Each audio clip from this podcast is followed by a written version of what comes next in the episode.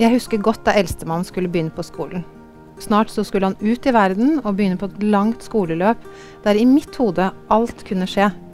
Jeg så for meg erting og utestenging, skolevegring og andre større eller mindre skremmende scenarioer der jeg ikke kunne være der og beskytte han. Nå skulle han bli mer og mer selvstendig og finne seg selv. Og det er jo faktisk også sånn at utenlandsadopterte, som ofte ser annerledes ut enn de fleste rundt dem, har det litt vanskeligere. Og hvordan skulle jeg hjelpe barnet mitt å navigere eh, gjennom slengbemerkninger, fordommer og rasisme? Og ikke minst, hvordan skulle jeg som mor takle dette? Velkommen til Adopsjonspodden. I dag skal vi snakke om adopsjon og identitet. Jeg heter Turid, og jeg er mor til to gutter på 7 og 11 år som begge er adoptert fra Korea. Hei, jeg heter Ingrid og er mor til en gutt på syv år som også er adoptert fra Korea. Vi lager denne podkasten for Adopsjonsforeningen, og i våre podkaster har vi fokus på utenlandsadopsjon. Vi har hatt med oss Hedvig Montgomery i to episoder nå, og snakket om tiden før henting, selve hentereisen, og den første tiden etter man har kommet hjem. Det er så veldig mange temaer som vi gjerne ville snakke med deg om, Hedvig, og vi må kanskje hente deg inn igjen på et senere tidspunkt. Men dette blir foreløpig siste episode med deg som gjest, og da vil vi gjerne snakke om det bitte lille temaet adopterte og identitet.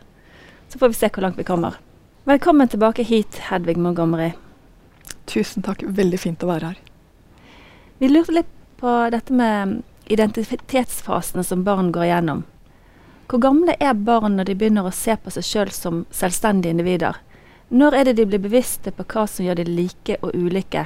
Og hvordan påvirker det barn når de skjønner at de kanskje ser annerledes ut enn sine foreldre, og kanskje annerledes enn klassekamerater og alle rundt seg? Altså Barn og identitetsutvikling det løper og går hele tiden. Det å få grep om seg selv, hvem er jeg i denne verden, er på mange måter barnas store prosjekt. Og første gangen siden du spør, barna begynner å skjønne at de kan si nei til ting og kan sette grenser, det er jo når de er rundt tre år og vi får den berømte trassalderen. Mm. Som jo nettopp handler om dette her. Dytte bort det de ikke vil ha, si ja takk til det de vil ha, lære seg å skille mellom disse to. Og som alle som har hatt en treåring i hus vet, det er eh, en spennende fase som ofte bærer litt preg av den rusen det er å kunne begynne å bestemme selv. Mm. Eh, men barna ser fortsatt på seg selv som utrolig i sentrum. De er seg, og akkurat sånn er de, og det er eh, interessant. For, altså de forholder seg i liten grad til hvordan andre ser dem. Det store, vesentlige skiftet som kommer i 7-8-årsalderen, det er at barna begynner å få et utenfrablikk på seg selv. Som handler om hvem er jeg, og hva syns jeg om å være sånn? Eh, det kommer tydelige små signaler når de kommer opp, eh, ofte i andre klasse, at de begynner å se på hva de andre barna driver med, hvordan de klarer det, hva de gjør, hvordan deres familier ser ut. Mm. De legger ikke noe spesielt mye verdi i det, at de er bedre eller dårligere. Det er mer at de begynner å se de andre, og dermed også seg selv, på en helt ny måte.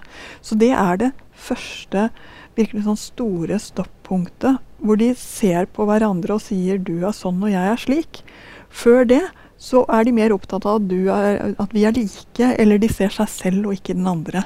Mm. Så det er, eh, det er, der vi får den første liksom sånn, litt sånn gnisningen i at verden eh, At jeg er ikke sånn som du. Nei, jeg er ikke sånn som du, og, og vi Ja. Hvordan, um, hvordan kan vi som adopsjonsforeldre forberede på en måte oss sjøl på dette? Altså for det første så må jeg bare si dette må til.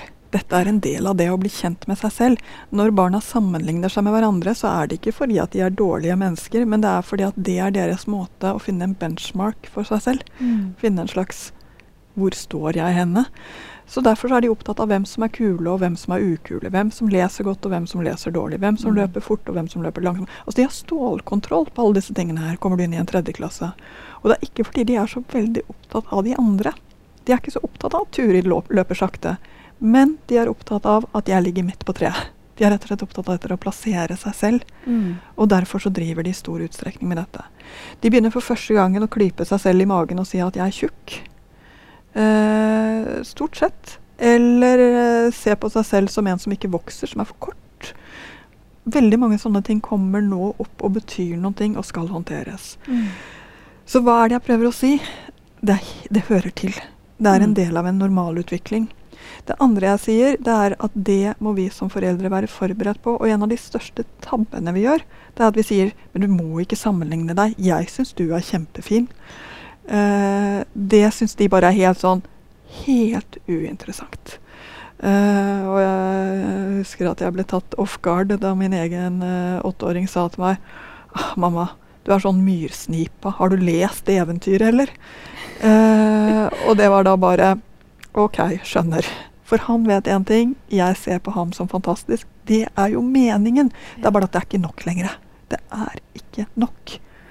Så du kan ikke fylle opp denne, denne litt humpete fasen med å si 'men jeg elsker deg som du er'. Det, gjør, altså det bør du. Og de forventer at du gjør det. Det skal du vite ved, vise ved å tåle dem og være med dem. Men du må ha et språk for det. Ja, det er sant. Elisabeth løper fortere enn deg.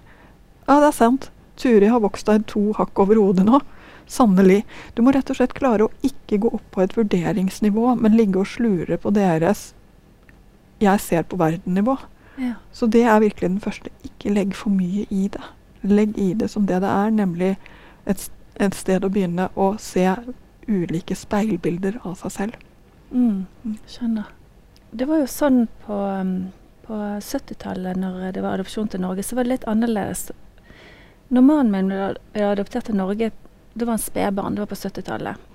Og da var jo det generelle rådet til adopsjonsforeldre at man skulle på en måte fornorske barna så fort som mulig. Og ikke snakke om fødelandet, men at barna skulle bli norske og slippe å føle seg annerledes. Eh, men det kan jo, det er jo sånn at tidene har endret seg, og kunnskapen utvikler seg veldig på det området. Og kanskje tenker man litt annerledes nå. Hva tenker du er gode råd til adopsjonsforeldre i dag? Altså, jeg må jo si at jeg er veldig glad for at vi nå vet at barn trenger å kjenne sin historie for å bli lykkelig med seg selv. Jeg er veldig glad for at vi nå vet mye mer om at det at barnet har en historie, ikke er noen trussel, men er en styrke for barnet. Eh, jeg er glad for at vi nå har åpne adopsjoner alltid. Mm. Og at det altså finnes mer informasjon om hvor barnet kommer fra, og hva det er som er bakgrunnen.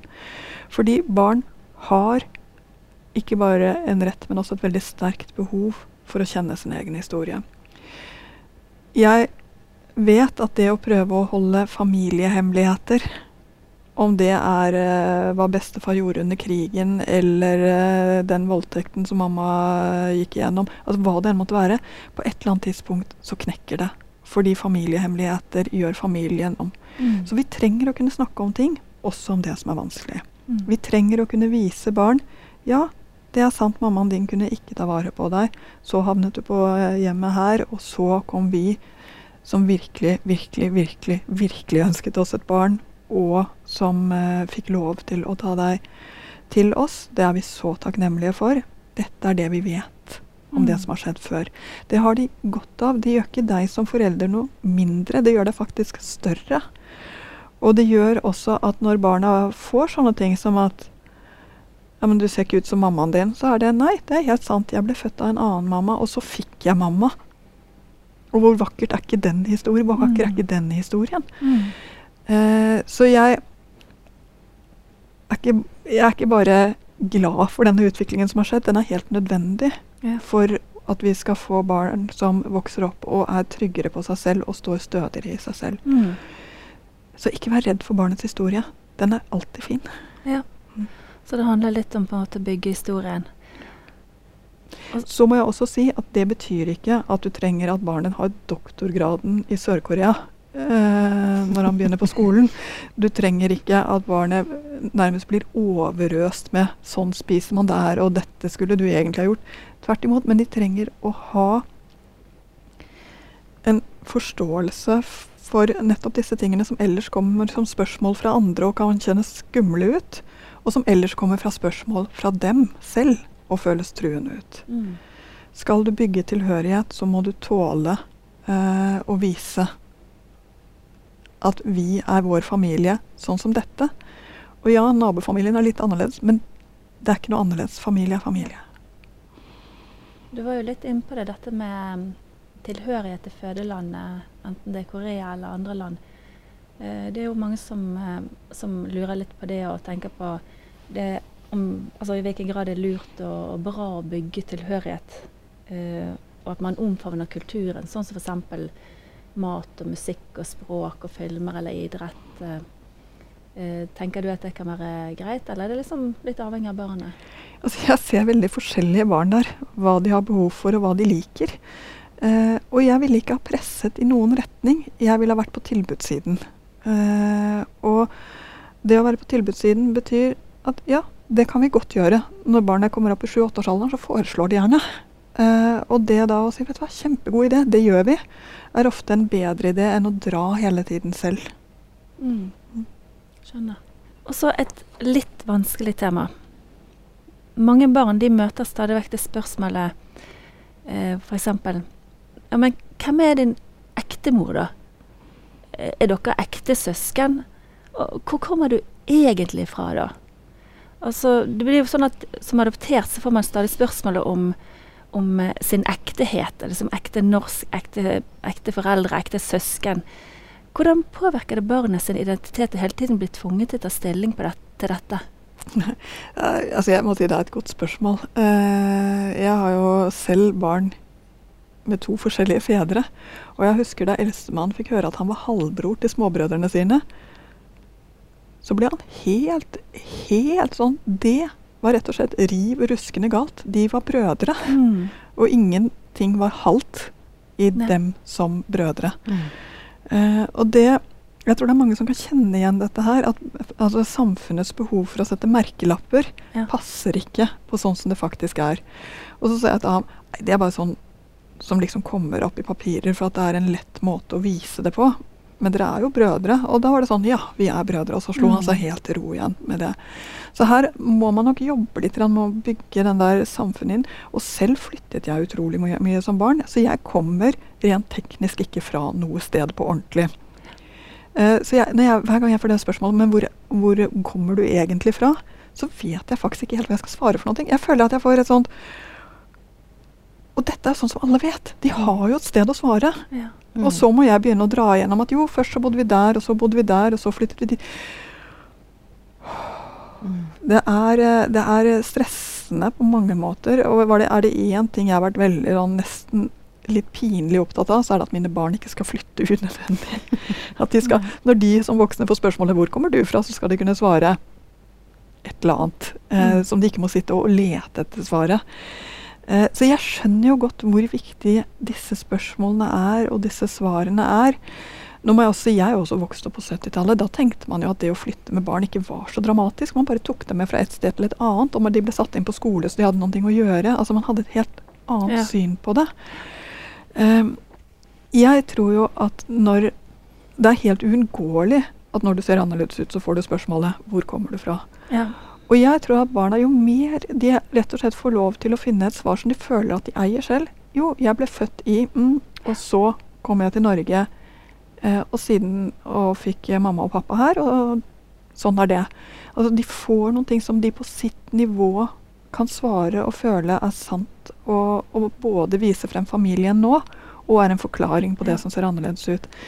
Uh, og så må man jobbe litt i hvert enkelt tilfelle med å finne de ordene, finne den historien, finne den nesten litt sånn fysiske, taktiske, uh, taktile, altså noe du kan ta på. Ja. Som gjør at barna ikke blir usikre hver gang spørsmålet kommer. For problemet er ikke spørsmålet. Problemet er usikkerheten. Ikke sant? For det, det, er jo det, sant? det er jo et veldig vanskelig spørsmål så de får, og det er jo vanskelig for oss også.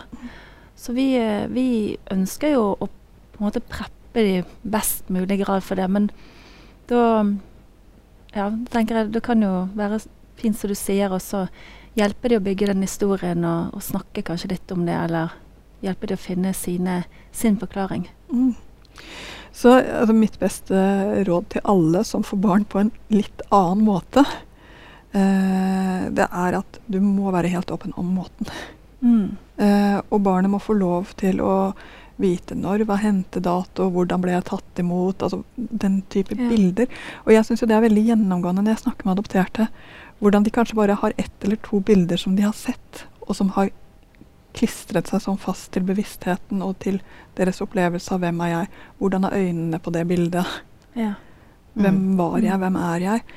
identitetsutvikling er en prosess, og jeg syns jo det er så Du sier jo at det er et stort tema. Det er ikke et stort tema, det er et gigantisk tema. Mm. Fordi hvem er jeg, er ikke noe som ligger inni oss. Det er noe som ligger mellom oss. Det handler om måten vi blir speilet på, måten vi blir møtt på. Blir jeg møtt med glede, eller blir jeg møtt med avvisning? Og det er også det som gjør at det blir sårt når vi kommer opp i den alderen hvor en del barn føler på avvisning. Ja. Mm. Ja, sant. Det litt å ikke høre hjemme verken her eller der vil jo snike seg på etter hvert. Jeg vet når uh, min eldste fikk spørsmål om hvem som var hans ekte mor, og han mente det var meg, um, og de ikke helt ga seg på det, så ble han jo litt lei seg. Men da snakka vi om, sånn som du sa, at uh, jeg tror bare de mener biologisk mor. Mm. Det, er bare, det, er et veldig vanskelig ord for en andreklassing Mm. å kunne. Og det var helt greit, faktisk. Så da å gi dem de begrepene og de måtene å respondere på kan være lurt. Mm. Mm. Vi gjør et lite hopp fram i tid, da, for nå har de barna blitt tenårer. tenåringer. uh, og da kommer det noen ekstra utfordringer. Hedvig, hva skjer hos tenåringen i forhold til identitet? Tenåringen er en gullalder nettopp for å utvikle identitet. Eh, og det som skjer, det er at opp til de kommer i puberteten, så leter de etter identitet i sin familie og i de aktivitetene de gjør utenfor familien. Eh, begge delene er trygge punkter for dem. Så kommer de opp i puberteten, og plutselig så blir det der ute viktigere enn det der hjemme. Jeg, altså jeg kan nesten sette fingeren på når puberteten inntreffer i enhver familie. Det er når uh, barnet uh, tenåringer kommer hjem stort sett 13-14-årsalderen noen ganger før, kommer hjem og begynner å kritisere foreldrene sine. Kjøper dere aldri noe nytt? Hvor lenge har dere hatt den sofaen egentlig? Dere. Plutselig er det dere. Alle andre har det sånn og sånn. Plutselig så blir det en sånn Fordi ja, det er helt riktig, nå skal de begynne å finne sin egen smak og sin egen mening. De får andre politiske meninger. Kanskje de slutter å spise noen ting som vi alltid har likt å spise sammen, fordi at de skal begynne med en eller annen diett. Det skjer nye ting, og det er ganske brått. Uh, og når dette skjer, er det det som er så skummelt med puberteten, fordi det er et ganske stort normalspenn for når puberteten inntreffer. Og en god del adopterte kommer tidlig i pubertet, eh, fordi eh, de rett og slett har andre fysiske forutsetninger. Da kommer de også i utakt med, med venner og, og, klassekamerater, som gjør at de er barnslige, sånn at de lager åh, massevis av eh, av eh, ja, hva man nå skal kalle det. Det blir rusk i maskineriet, rett og slett. Mm. Her er en viktig ting for alle foreldre. De gjør ingenting. Dette rusket i maskineriet er der av en god grunn, fordi det får frem noe vakkert etterpå. Dette rusket er der fordi det er helt nødvendig for tenåringene å kjenne på denne motstanden for virkelig å bli trygge på seg selv.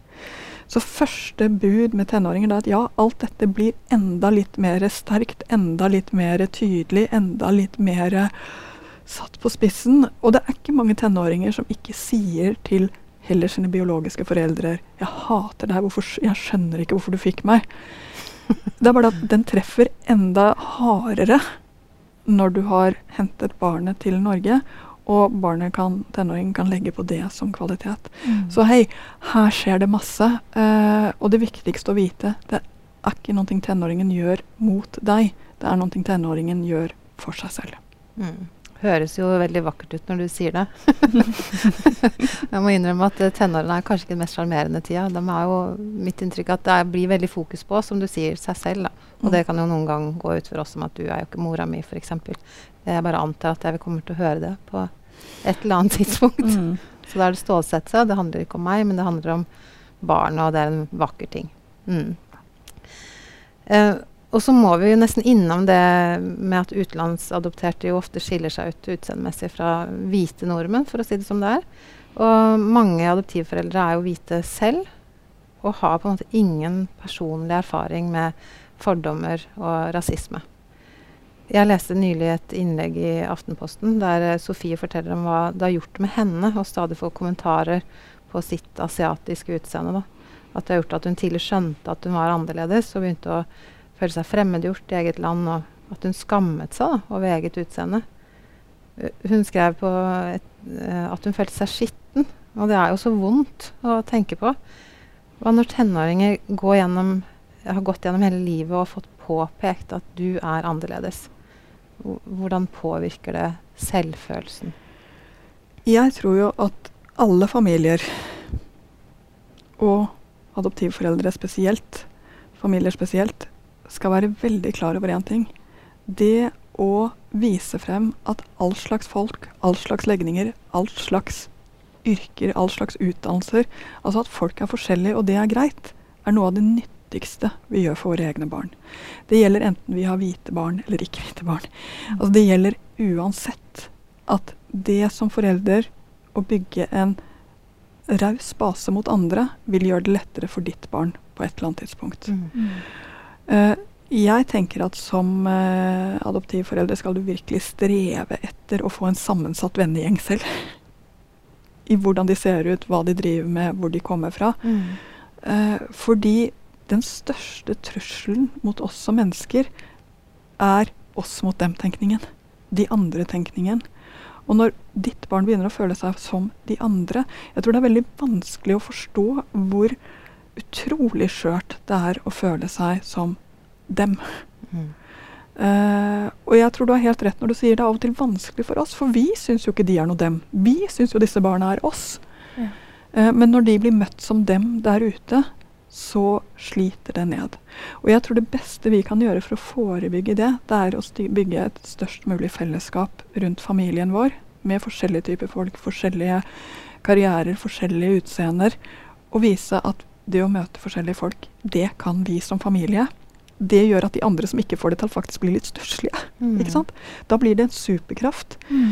Så, så der, der ligger det ene. Og det andre er at når barna kommer hjem og sier det, alle hater meg fordi jeg er brun, så havner du plutselig i en skvis. For hvis du sier å, jeg skal ringe til rektor og si ifra med en gang,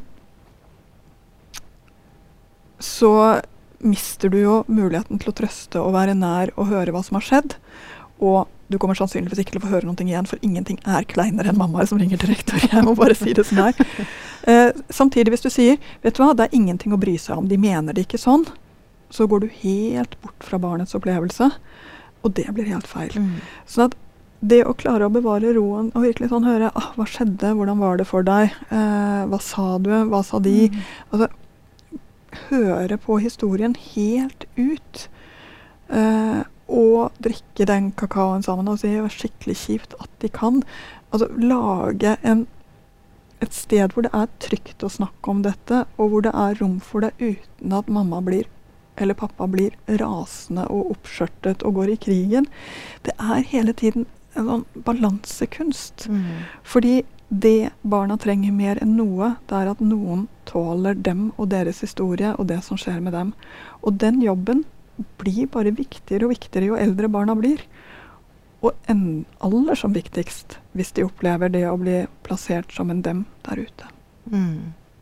Veldig god. Så ikke forminske opplevelsene, ikke forsterke dem med eget sinne, men la det handle om dem og være der. eh, Noen til å prate med. Mm. Kjempegode råd. Veldig bra. Jeg kjenner at jeg gruer meg litt til den kommer i tenner. Jo, men her må jeg få lov til å si en ting, fordi Mm. det er lett å si. Men jeg elsker rent personlig elsker jeg på helt på ekte å være tenåringsmamma. Ja. Eh, fordi jeg syns det er så spennende å se hva det er for noe dette barnet finner. Hvilke aktiviteter holder, holder han eller hun på? Hvilke venner skaffer han eller hun seg når, eh, når vedkommende kan velge helt selv? Uh, hva er det for noen ting som, eh, som blir superstyrker, og hva er det som Jeg elsker å se dette vokse frem. Ja. Eh, og med den nysgjerrigheten er det også lettere å ikke ta det så personlig, disse tingene som du kanskje er nødt til å høre i denne perioden, og jeg også har hørt. Ja, det er så fin måte å se det på. Det er helt nydelig. Tusen takk, eh, Hedvig. Er det noe på tampen på dette store temaet som du tenker vi ikke har fått snakka om når det gjelder barn og identitet? Særlig da med tanke på adopsjon. Altså, jeg tror fortsatt det viktigste vi skal huske på, det er at det å bygge identitet er ongoing business. Vi Mm. gjør det faktisk hele livet. Eh, og Mm. måten vi blir møtt på, måten vi blir speilet på, både hjemme og ute, betyr noe. Det å lage aktiviteter, tilknytningspunkter, både hjemme og ute, som gjør at det faktisk er noe å speile seg i som gir mening, det er det vi kan gjøre. Mer kan vi ikke gjøre. Kjempefint. Tusen hjertelig takk for at du tok deg tid til å prate med oss, og alle gode råd og tips. I like måte. Kjempefint.